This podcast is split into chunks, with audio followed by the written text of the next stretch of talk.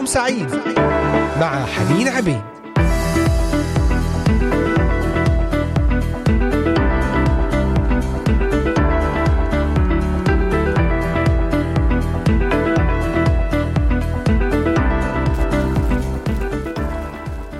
أهلا وسهلا بكم أحبائي المستمعين في حلقة جديدة في يوم جديد الأربعاء الحادي والعشرين من شهر ديسمبر عام 2022 أيام قليلة تفصلنا عن مناسبة رائعة مناسبة من أجمل المناسبات عيد الميلاد المجيد. ولهذه المناسبة نتكلم في سلسلة خاصة في هذه الحلقات عن الله ظهر في الجسد. موضوع حلقتنا في هذا اليوم صفات المسيح الإلهية. صفات المسيح الإلهية وأيضا سوف نتحدث ضمن هذه الحلقة عن أمر آخر وهو الألقاب الإلهية للرب يسوع. ألقاب إلهية للرب يسوع. فتابعونا وابقوا معنا على السمع وصلاتي أن يصل الرب بمحبته ونعمته إلى كل مستمع. كريم يستمع إلينا في هذه الأثناء. كل احتياجات كل طلبات مادية نفسية روحية القها عند الرب الآن. تعال بقلبك وروحك وكيانك وأفكارك. قل له يا رب استلم هذا الوقت. يا رب حماية من كل تشويش من عدو الخير على هذا الوقت. دعني أسمع كلامك بقلب مفتوح وروح مفتوحة وذهن مفتوح. انر بصيرتي يا رب لأفهم وأتعلم الحق. يا رب أسأل من أجل أي احتياج مادي افتح أبواب العمل أبواب البركة أبواب الخير. من أجل كل ضائقة نفسية كل أمور مع الأولاد كل أمور فيها تعب وانحناء. يا رب اختراقات جديدة في هذا الميلاد ولادة لأمور جديدة فرح وسلام ونعمة باسم يسوع المسيح. آمين. آمين. ألقاب وصفات يسوع الإلهية. نقرأ نبوءة عن الرب يسوع عن ميلاده في سفر أشعياء الأصحاح التاسع والآيات السادسة حتى السابعة. يقول لأنه يولد لنا ولد ونعطى ابنا وتكون الرياسة على كتفه ويدعى اسمه عجيبا مشيرا الها قديرا ابا ابديا رئيس السلام. لنمو رياسته وللسلام لا نهاية على كرسي داود وعلى مملكته ليثبتها ويعضدها بالحق والبر من الآن وإلى الأبد. غيرة رب الجنود تصنع هذا. آمين. القاب يسوع في هذه الآية عجيبا مشيرا الها قديرا ابا ابديا رئيس السلام صفات مطابقة للرب للإله. يسوع هو الإله المتجسد. وفي حديثنا عن هذه السلسلة الله ظهر في الجسد. الله ظهر في الجسد. ألقاب المسيح الإلهية. أعلن الملاك ليوسف ولمريم أن اسم الطفل سيكون يسوع ومعناه مخلص. فقال ليوسف عن مريم فستلد ابنا وتدعو اسمه يسوع لأنه يخلص شعبه من خطاياهم. وقال لمريم ها أنت ستحبلين وتلدين ابنا وتسمينه يسوع. يسوع هو الصيغة اليونانية للاسم العبري يشوع الذي يعني يهوى هو الخلاص الرب هو الخلاص. وقد عبر هذا عن أهمية المهمة الخلاصية التي جاء يسوع لينجزها. اسمه أيضا المسيح ومعناه الممسوح من الله وهو اللقب المعروف لمن يخلص الآخرين وكثيرا ما استعمل كاسم علم. ولهذا أساس قوي ومتواصل في تاريخ بني إسرائيل.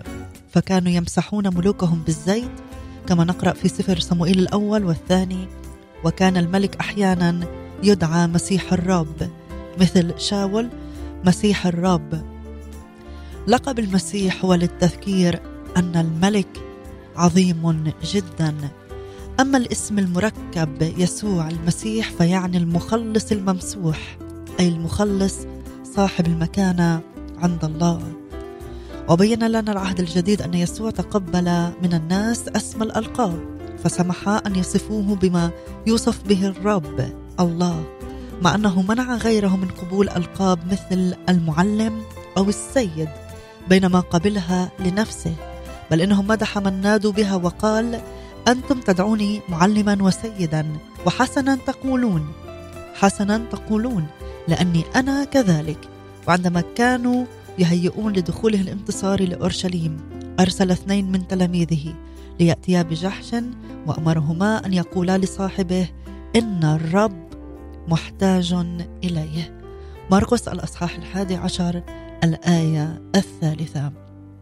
هو المعلم هو السيد هو يسوع هو المسيح. ويدعى سيدا. سنتابع في الحديث عن لقب السيد بعد هذه الترنيمة مع صلاح مشمل ومجدي بولس ومشيرة ويلسون. قدوس أنت يا الله.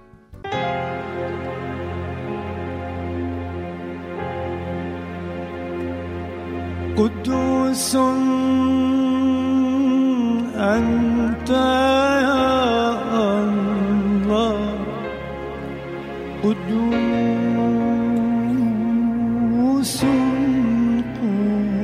قدوس. الأرض كلها امتلأت من مجدك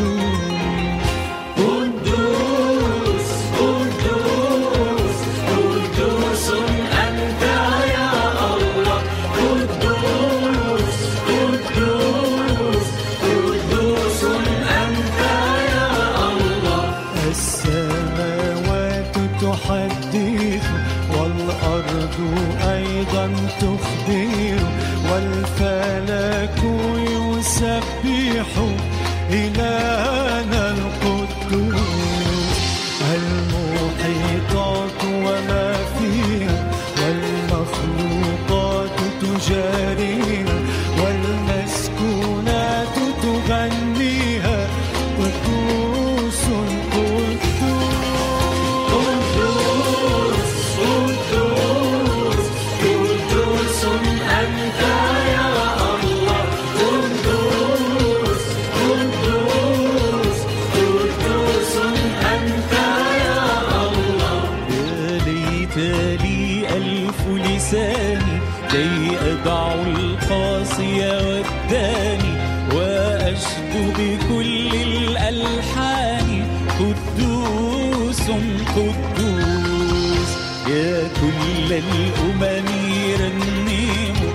شعوب الأرض.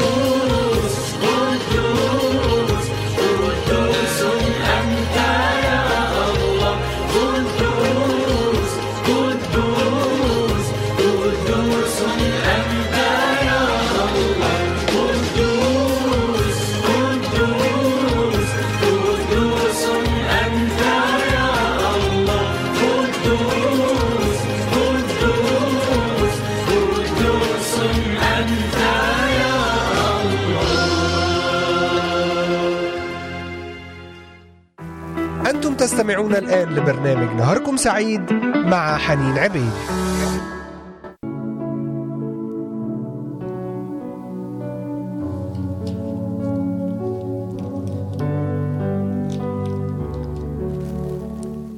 قدوس قدوس قدوس أنت يا الله. هو الإله القدوس هو الإله البار هو الذي بلا خطية أتى إلى عالمنا الخاطئ إلى عالمنا الأثيم ليفتدي الإنسان الأثيم. المقيد بالخطية وليعطيه نعمة إلهية ومكانة سماوية. نتحدث ضمن سلسلة الله ظهر في الجسد عن ألقاب وصفات يسوع. ذكرنا صفات وأسماء يسوع يسوع المسيح يسوع هو المخلص المسيح الممسوح من الله وهذا لقب الملوك في العهد القديم. شاول كان مسيح الله. فيسوع المسيح يعني المخلص الممسوح المخلص صاحب المكانة عند الله. وأيضا ذكرنا المعلم والسيد في العهد الجديد. قبل يسوع هذه الألقاب قبل أن يلقب وينادى بها. أنتم تدعونني معلما وسيدا وحسنا تقولون لأني أنا كذلك. يدعى المسيح سيدا ليس فقط بالمعنى الذي يقال لبعض البشر أصحاب السلطة أو المكانة بل بمعنى كونه السيد الأسمى ومطلق السيادة في ملكوته وهو رب المؤمنين. فقيل عنه ولد لكم اليوم في مدينة داود مخلص هو المسيح الرب. إن ابن الإنسان هو رب السبت. وقيل كل من يعترف كل لسان يعترف أن يسوع المسيح هو رب لمجد الله الآب. قيل عنه رب المجد وأيضا قال بولس إن اعترفت بفمك بالرب يسوع وآمنت بقلبه أن الله أقامه من الأموات خلصت. يبشر بالسلام بيسوع المسيح. هذا هو رب الكل. قدوس قدوس قدوس كما استمعنا في الترنيمة الرب الإله القادر على كل شيء الذي كان والكائن والذي يأتي. أنت مستحق أيها الرب أن تأخذ المجد والكرامة والقدرة لأنك أنت خلقت كل الأشياء وهي بإرادتك كائنة وخلقت. وله على ثوبه اسم مكتوب ملك الملوك ورب الأرباب. كل هذه آيات من الكتاب المقدس تدل على أن المسيح هو الرب. وأعلن الكتاب أيضا أن المسيح ربا على الجميع. للذين في السماء والذين على الأرض. فله يجب أن تسجد جميع المخلوقات اعترافا بسلطانه المطلق لأنه الخالق والفادي. وكان الرسول بولس يحيي قراء بعض رسائله بقوله نعمة لكم وسلام من الله أبينا والرب يسوع المسيح. وهي تحية تشهد للإيمان بالله الذي نعبده. وتؤكد مساواة المسيح الكاملة بالآب. فهما متحدان معا بلا انفصال أو تفريق في وحدانية جوهرية. في وحدانية الجوهر لكلاهما. ومع ذلك فإنهما يتمتعان باستقلال ذاتي. فبعض الأعمال تنسب للواحد دون الآخر. فيقول في غلاطيا الأصحاح الأول بيسوع المسيح والله الآب وربنا يسوع المسيح الذي بذل نفسه لأجل خطايانا. أما في البركة الرسولية فيقال نعمة ربنا يسوع المسيح ومحبة الله الآب وشركة الروح القدس مع جميعكم. آمين. ففيها يبقى اسم الرب يسوع مرتبطا في مساواة مطلقة مع الآب والروح القدس كمصدر لكل بركة روحية. كانت قد نسبت أسماء أسماء متنوعة وكثيرة لله في العهد القديم، نسبها العهد الجديد أيضا للمسيح، فعندما سجل البشير متى ولادة المسيح نسب إليه الاسم عمانوئيل، فقال: وهذا كله كان لكي يتم ما قيل من الرب بالنبي. وذا العذراء تحبل وتلد ابنا ويدعون اسمه عمانوئيل الذي تفسيره الله معنا. ويعلن العهد الجديد ظهور المسيح ملكا وفاديا في هيئة شخصية أزلية. فيقول يوحنا في سفر الرؤيا فلما رأيته سقطت عند رجليه كميت فوضع يده اليمنى علي قائلا لي لا تخف أنا هو الأول والآخر والحي وكنت ميتا وها أنا حي إلى أبد الآبدين ولي مفاتيح الهاوية والموت. ويقول أيضا في أشعياء الأصحاح الرابع والأربعين هكذا يقول الرب ملك إسرائيل وفاديه رب الجنود أنا الأول وأنا الآخر لا إله غيري أنا الأول وأنا الآخر لا إله غيري. يسوع دعي ربا مرات كثيرة في العهد الجديد الأمر الذي يورده العهد القديم كثيرا في النبوات عنه. يقول المزمور المئة والعاشر قال الرب لربي اجلس عن يميني حتى أضع أعداءك موطئا لقدميك. نسب المسيح كلمات هذا المزمور لنفسه وهو يسأل اليهود عن معناه كما نقرأ في نبوة ملاخي ويأتي بغتة إلى هيكله السيد الذي تطلبونه. قال الرب لربي الله الآب قال للإبن هما الاثنان في منزلة واحدة إلهية له المجد والكرامة والسلطان إلى الأبد. تعالوا نستمع إلى هذه الترنيمة مع الأب بيتر حنا. طوبى لجميع الذين يتقون الرب ونعود ونكمل. وإياكم في ألقاب وصفات يسوع الإلهية. طوبى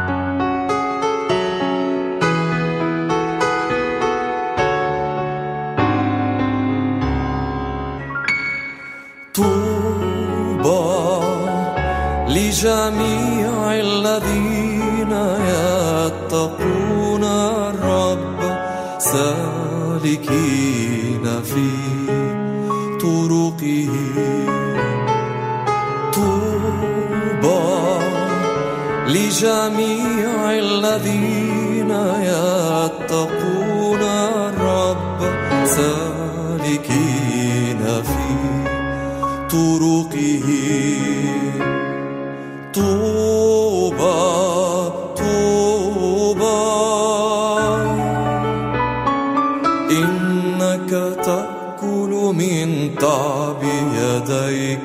فلك الطوبى والخير.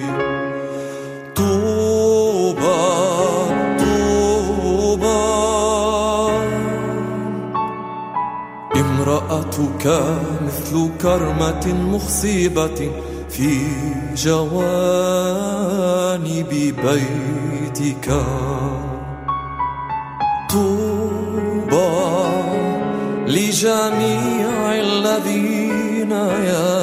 يتقون الرب سالكين في طرقه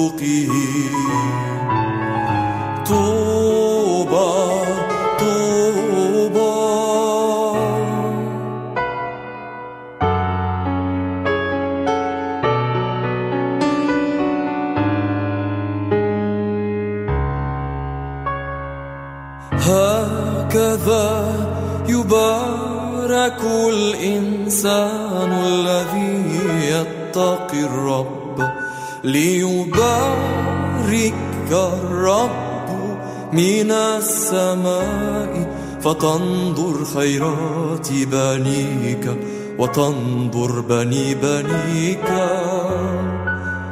سلام على المؤمنين.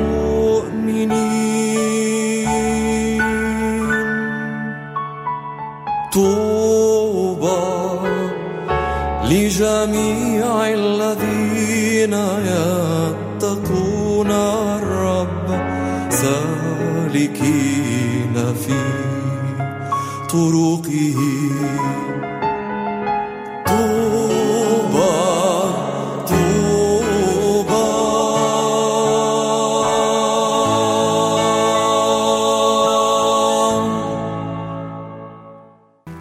أنتم تستمعون الآن لبرنامج نهاركم سعيد مع حنين عبيد.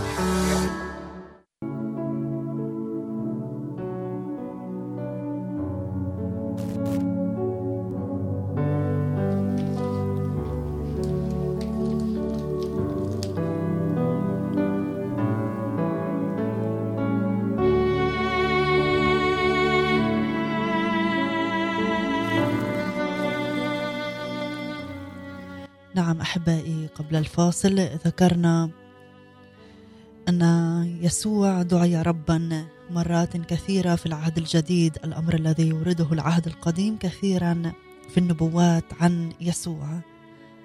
ذكرنا المزمور المئة والعاشر وأيضا ملاخي الأصحاح الثالث. وقد نسب العهد الجديد ليسوع اسم الله أكثر من عشر مرات في يوحنا الأصحاح الأول والأصحاح العشرين والأصحاح الخامس ورسالة العبرانيين وبطرس الثانية وأعمال الرسل وروميا الأصحاح التاسع وتسالونيك الثاني الأصحاح الأول ورسالة تيتوس الأصحاح الثاني وتيموثاوس الأولى الأصحاح الثالث. وقد اتفق علماء تفسير الكتاب المقدس من شتى المذاهب على أن يسوع كما أعلنه عنه العهد الجديد هو نفسه رب العهد القديم. فكتبة العهد الجديد ينسبون للمسيح أقوالا من العهد القديم في أصلها تشير إلى أدوناي أو يهوى اسمي الألوهية في العهد القديم. نبوة يوئيل الأصحاح الثاني والآية الثانية والثلاثين وأعمال الرسل الأصحاح الثاني والآية الحادية والعشرين وأيضا نبوءات أخرى. ليضيق الوقت لا نستطيع قراءتها كلها لكن ترجعون إلى هذه المراجع وتجدون هذه الأسماء. في إنجيل متى دعي يسوع مخلص لأنه يخلص شعبه من خطاياهم؟ عمانوئيل أي الله معنا المسيح ابن الله الحي يسوع المسيح ابن الإنسان معلم في إنجيل لوقا دعي يسوع الناصري قدوس الله. في إنجيل يوحنا دعي الكلمة كل شيء به كان. كون العالم به الابن الوحيد ابن الله ملك إسرائيل المسيح مخلص العالم الخبز الحي الباب الراعي الصالح القيامة والحياة. المسيح ابن الله الآتي إلى العالم الطريق والحق والحياة. الكرمة الحقيقية أما في سفر أعمال الرسل يقول القدوس البار رئيس الحياة مخلص في رسالة روميا يقول إلها مباركا. وكورنثوس الأولى قوة الله وحكمته رب المجد رأس كل رجل. في الرسالة الثانية يقول إلى كورنثوس صورة الله وغلاطي يقول عنه فادي. وفي رسالة فيلبي الرب وفي رسالة تيموثاوس الأولى رب الأرباب. والعبرانيين وارث لكل شيء بهاء مجد الله ورسم جوهره. رئيس الخلاص رئيس الكهنة العظيم رئيس الإيمان ومكمله. وسيط في رسالة بطرس الأولى الثانية المخلص. وفي سفر الرؤيا الرب الكائن الكائن والذي كان والذي يأتي. القادر على كل شيء الأول والآخر الحي الألف والياء البداية والنهاية. آمين آمين. هذه صفات يسوع الإلهية التي نراها في الكتاب المقدس. هذه ألقابه. وأيضا صفاته سنتحدث عنها بعد هذا الفاصل. مع صلاح مشمل وفريق الشموع في البدء كان الكلمة ابقوا معنا.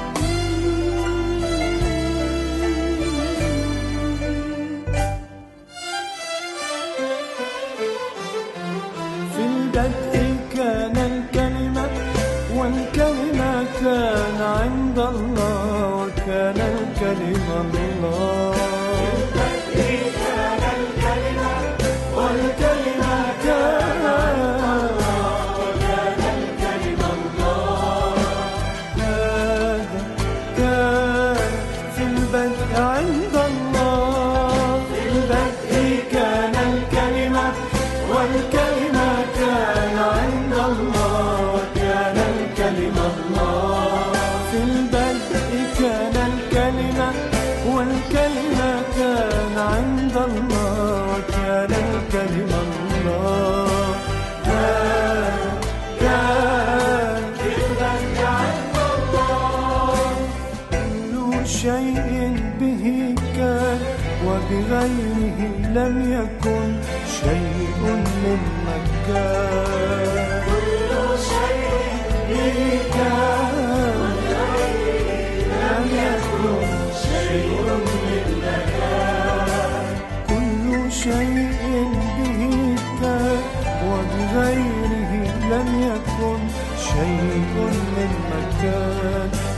في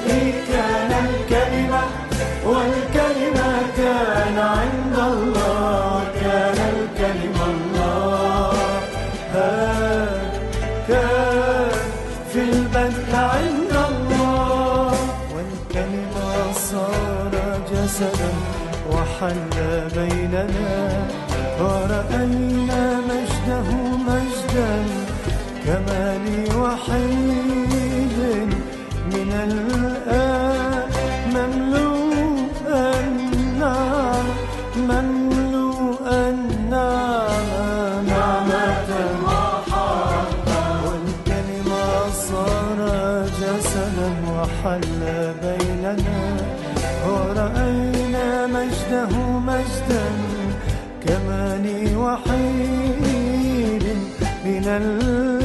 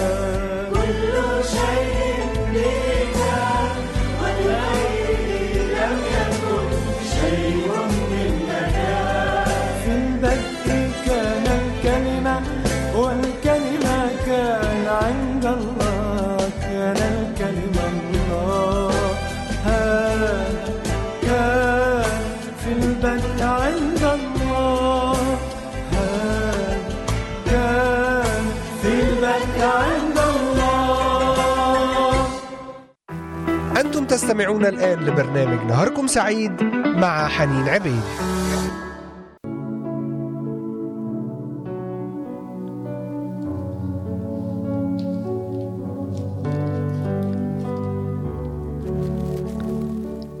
هذا كان في البدء عند الله. في البدء كان الكلمة. الكلمة لقب من ألقاب يسوع. وتحدثنا في القسم الأول عن ألقاب المسيح الإلهية. ونأتي الآن إلى صفات المسيح الإلهية. فالعهد الجديد ينسب للمسيح صفات إلهية لا على سبيل المجاملة كما يحدث بين البشر بل على صفات من النوع الذي لا يمكن أن ينسب إلا لله وحده. فيما يلي نتحدث عن قائمة بتلك الصفات هو كامل وبلا خطية الصفة الأولى. جاء في يوحنا الأصحاح السادس إعلان عظيم من بطرس عن المسيح الذي آمن به فقال أنت المسيح ابن الله الحي. وفي بطرس الأولى الأصحاح الثاني يقول لم يفعل خطية ولا وجد في فمه مكر. وقال بولس لم يعرف خطية. ورسالة العبرانيين تقول المسيح قدوس بلا شر ولا دنس قد انفصل عن الخطاة. والمسيح نفسه له المجد تحدث عن قداسته وكماله. في حنا الأصحاح الثامن أوضح كمال أخلاقه وعصمته قال لأني كل حين أفعل ما يرضيه أي ما يرضي الآب. تحدى معارضيه وقال من منكم يبكتني على خطية؟ حتى الشياطين اعترفت أنه قدوس الله. في إنجيل مرقس الأصحاح الأول. ولم يطلق الوحي مثل هذه الصفات من الكمال على أي من خلائق الله. فعزي للمسيح وحده كمال هذه الصفات. أما البشر فيقولون كلنا كغنم ضللنا. منا كل واحد إلى طريقه. إذا هو الكامل بلا خطية هو الأزلي. بدأ يوحنا بشارته بالكشف عن أزلية المسيح فقدم في أول عدد منها تعريفا مهما للمسيح كلمة الله المتجسد. في البدء كان الكلمة كما استمعنا في الترنيمة.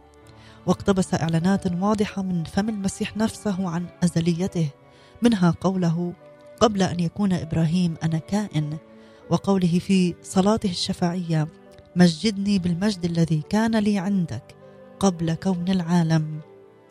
لأنك أحببتني قبل إنشاء العالم.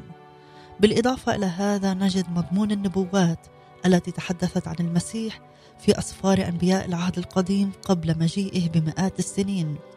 النبي أشعياء دعاه في سفره أبا أبديا وقال النبي ميخا عنه مخارجه منذ القديم منذ أيام الأزل. ولا عجب. فالمسيح ملك كل الدهور.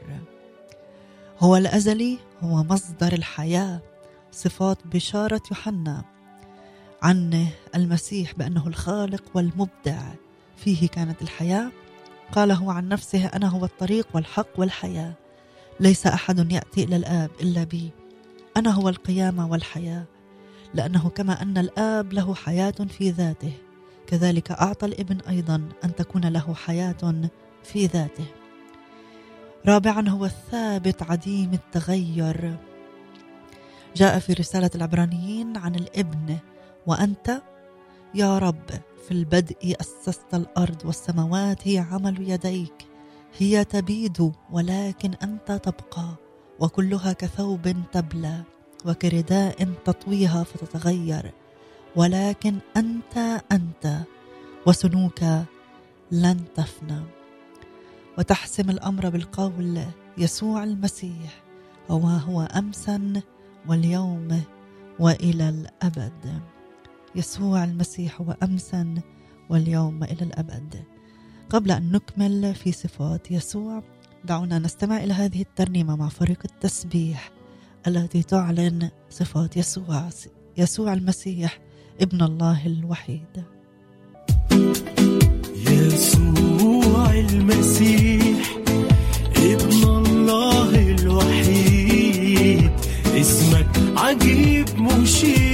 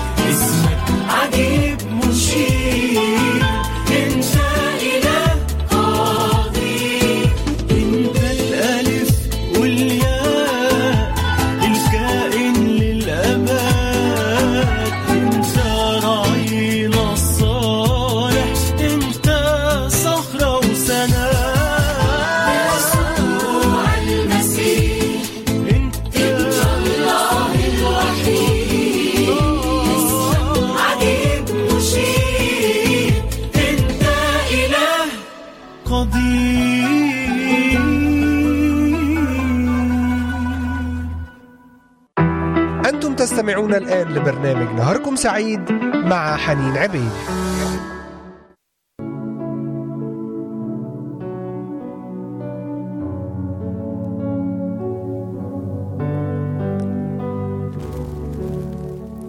نعم اسمك عجيب مشير انت إله قدير يسوع المسيح ابن الله الوحيد. ونتحدث عن صفات المسيح الإلهية. صفات المسيح الإلهية وتحدثنا في القسم الأول عن ألقابه الإلهية. هو الثابت عدم التغيير كما ذكرنا قبل الفاصل وهو القادر على كل شيء. قال هو كل شيء قد دفع إلي من أبي. وقال دفع إلي كل سلطان في السماء وعلى الأرض.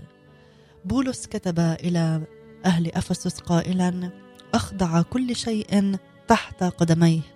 أي الله الآب اخضع كل شيء تحت قدمي المسيح وإياه جعل رأسا فوق كل شيء للكنيسه وعرف كاتب العبرانيين المسيح بأنه حامل كل الأشياء بكلمة قدرته. وسفر الرؤيا يقول هو الرب الكائن والذي يأتي القادر على كل شيء. أشعياء الذي تنبأ بميلاد المسيح قال يولد لنا ولد ونعطى ابنا وتكون الرياسة على كتفه ويدعى اسمه عجيبا مشيرا الها قديرا ابا ابديا رئيس السلام. هو الإله القدير ولم تكن قدرته قاصرة على الكلام لكنها كانت دائما مدعمة بالمعجزات التي بوجوده منذ البداية. أعلن المسيح أنه كلي وغير محدود. كلي الوجود وغير محدود. قال حيثما اجتمع اثنان أو ثلاثة باسمي فهناك أكون في وسطهم. وقال عندما كان مجتمعا برسله على جبل الزيتون بعد قيامته من الأموات ها أنا معكم كل الأيام إلى انقضاء الدهر.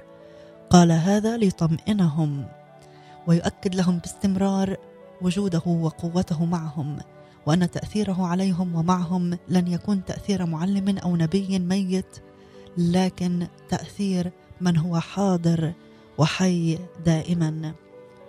ولما كان موجودا في كل مكان فهذا يعني أنه يبقى دائما قريبا قادرا على حماية وتعزية شعبه حتى لا يصيبهم أذى غير ما يراه هو ويسمح به لأجل مصالحهم ومنفعتهم.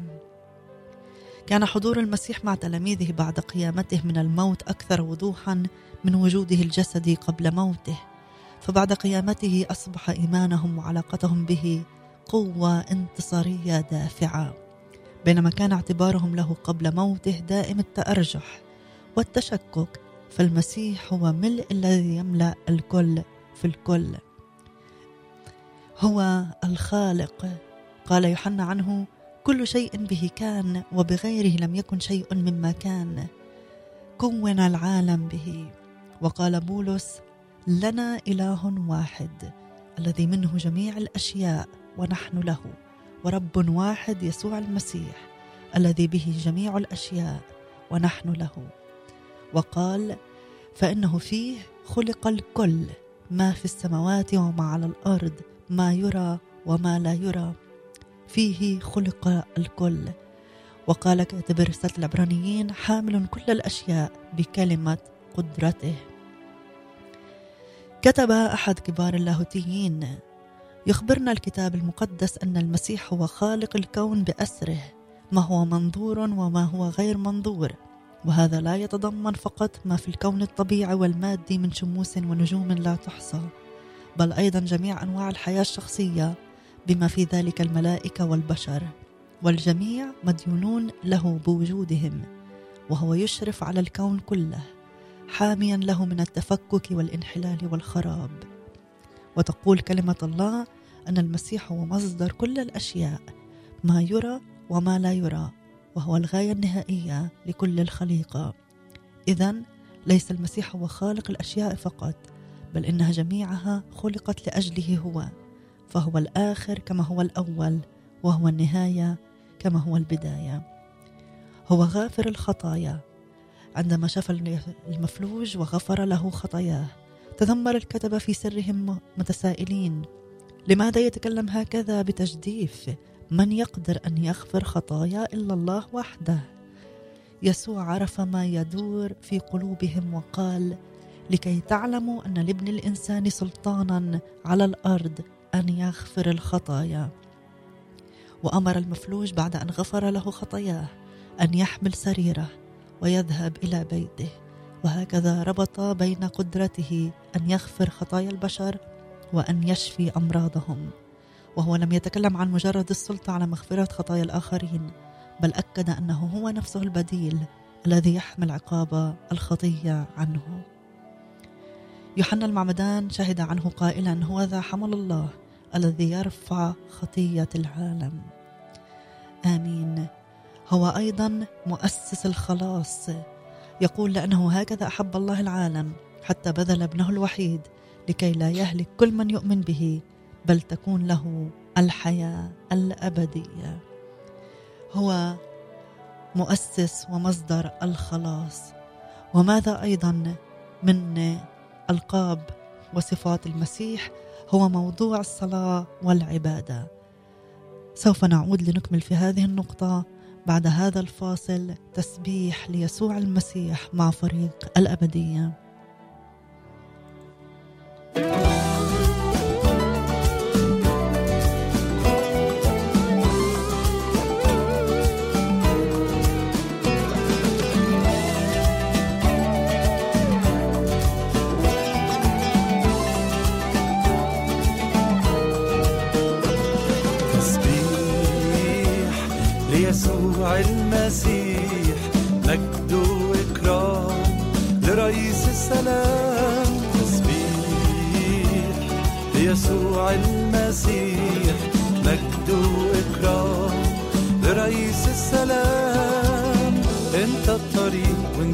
الحياة وسط الجفاف نبع المياه. الأعمى شاف والميت أم ملك الملوك جه من سماء. تسبيح ليسوع المسيح.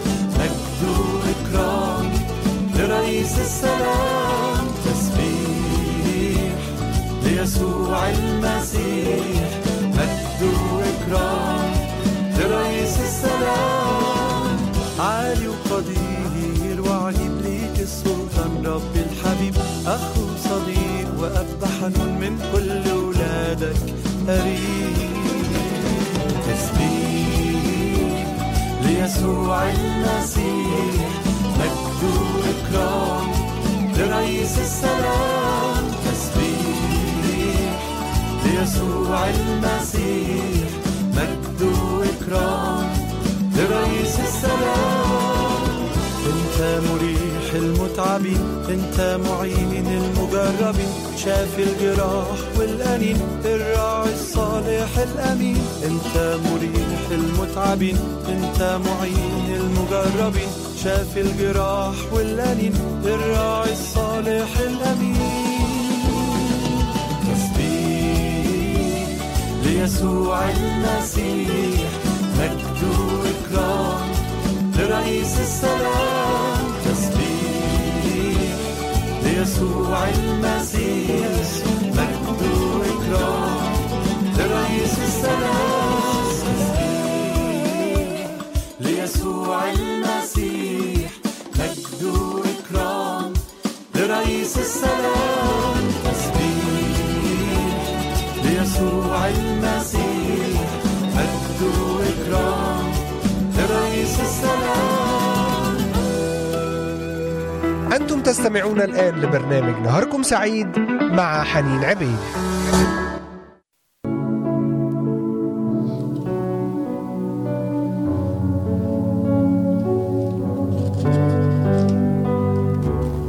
نعم مجد وإكرام لرئيس السلام.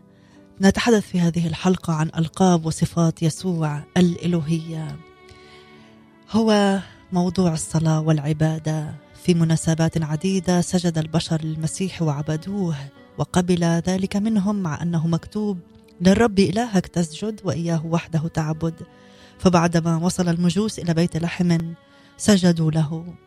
وعندما مشى المسيح على الماء سجد له تلاميذه قائلين بالحقيقة أنت ابن الله وسجدت له المرأة الكنعانية قائلة يا سيد أعني والتلاميذ بعد القيامة لما رأوه سجدوا. وعند صعوده إلى السماء انفرد عنهم وأصعد إلى السماء فسجدوا له. وعندما فتح عيني الأعمى سجد له. وعندما رآه تلميذه توما بعد قيامته من الموت سجد له قائلا ربي وإلهي. ولم يوبخ المسيح أحدا من هؤلاء على ما تكلم به أو فعله. وطلب من المؤمنين أن يضعوا ثقتهم فيه. ويتكلوا عليه اتكالا كاملا في كل أمور حياتهم. جاءهم بهذا التأكيد قائلا حيثما اجتمع اثنان أو ثلاثة باسمي فهناك أكون في وسطهم. اذا هو موضوع الصلاة والعبادة وأخيرا هو ديان كل البشر. ويعلن لنا الكتاب المقدس أن دينونة البشر حقيقة واقعة. وأكد المسيح هو الديان العادل الذي سيقرر المصير الأبدي لكل البشر. قال لأن الآب لا يدين احدا بل قد أعطى كل الدينونه للإبن لكي يكرم الجميع الإبن كما يكرمون الآب. هو الملك الديان. هو الذي سيدين. قال ليس كل من يقول لي يا رب يا رب يدخل ملكوت السماوات بل الذي يفعل إرادة أبي الذي في السماوات. هل تريد أن تنجو من الدينونة؟ يسوع هو المخلص. يسوع هو المخلص الله الذي ظهر في الجسد لكي يخلصك من خطيتك. جاء ليطلب ويخلص ما قد هلك. بعد أن سمعت اليوم عن ألقاب وصفات يسوع الإلهية هل تحتاج إلى دليل آخر على أن يسوع هو الله الذي ظهر في الجسد؟ صلي أن يفتح الروح القدس قلبك إلى هذه الحقائق وأن يعلنها لك بنوره العجيب. تتقابل مع يسوع المخلص في هذا الميلاد وتعلن أنه هو ملكك وسيدك. مع هذه الترنيمة نختتم هذه الحلقة وأشكركم على حسن المتابعة والإصغاء. تابعونا غدا في حلقة جديدة عند الواحدة بتوقيت القدس. من برنامج نهاركم سعيد لنكمل في سلسلتنا الله ظهر في الجسد. تعالوا نختتم مع هذه الترنيمة. أنت مليكنا. سد علينا الآن. إلى اللقاء بنعمة الرب.